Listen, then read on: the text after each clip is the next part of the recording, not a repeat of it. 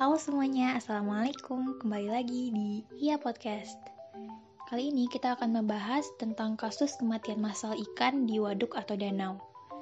Nah, ternyata fenomena kematian ikan massal ini sebagian besar disebabkan oleh kualitas air yang buruk di mana banyaknya bahan-bahan pencemar yang ada di dalam um, air itu sendiri ataupun berasal dari hulunya. Nah, berdasarkan um, sumber dari Baril 2014, Karta Miharja dan Krismono 2016, penyebab kematian massal ikan tersebut disebabkan oleh beberapa faktor, antara lain yang pertama kekurangan oksigen, keracunan oleh gas-gas beracun, serangan penyakit ikan, kelebihan daya dukung perairan, perubahan suhu, serta lokasi keramba berada di perairan waduk yang dangkal. Sebagian besar kejadian kematian massal ikan di perairan danau dan waduk disebabkan oleh fenomena umbalan akibat penumpukan bahan organik dan nutrien berlebih dari kegiatan budidaya ikan di keramba yang mengakibatkan terjadinya kondisi defisit oksigen. Nah, ini akan kita bahas lebih lanjut nanti. Oke, mungkin uh, beberapa di antara kalian udah tahu ada yang namanya uh, sistem budidaya ikan dalam keramba jaring apung atau KJA.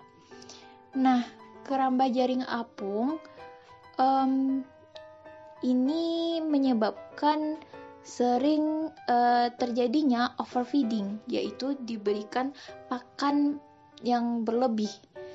Nah, akibatnya banyak sisa pakan yang terbuang ke perairan dan mengakibatkan perkayaan unsur hara. Sisa pakan yang mengendap di dasar perairan berpotensi menjadi sumber racun bagi ikan-ikan di permukaan ketika terjadi umbalan atau upwelling. Umbalan dengan masa air beracun atau beroksigen rendah dapat berdampak fatal bagi usaha perikanan di waduk dan danau karena memicu munculnya peristiwa kematian massal ikan baik ikan liar maupun ikan-ikan yang dibudidayakan di dalam keramba tersebut. Fenomena umbalan umumnya banyak terjadi pada musim penghujan, saat cuaca mendung berlangsung berhari-hari.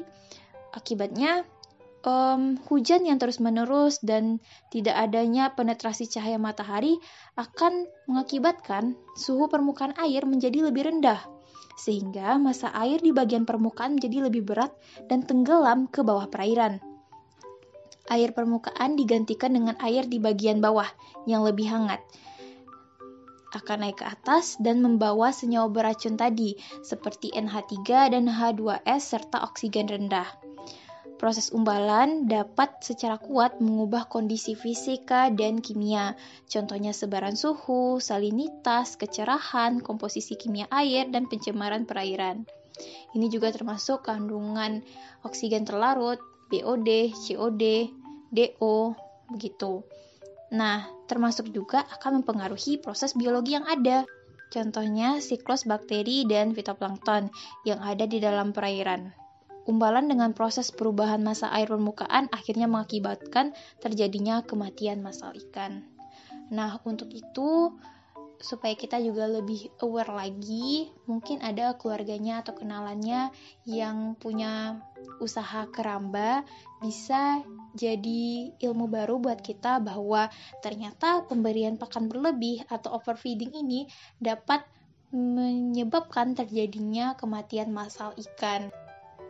Oke, okay, sekian dulu buat hari ini. Makasih buat kalian udah dengerin dari awal sampai akhir. As always, never stop learning. Let's learn and grow together at least one step forward and let's make our journey here. Goodbye, my friends. Assalamualaikum.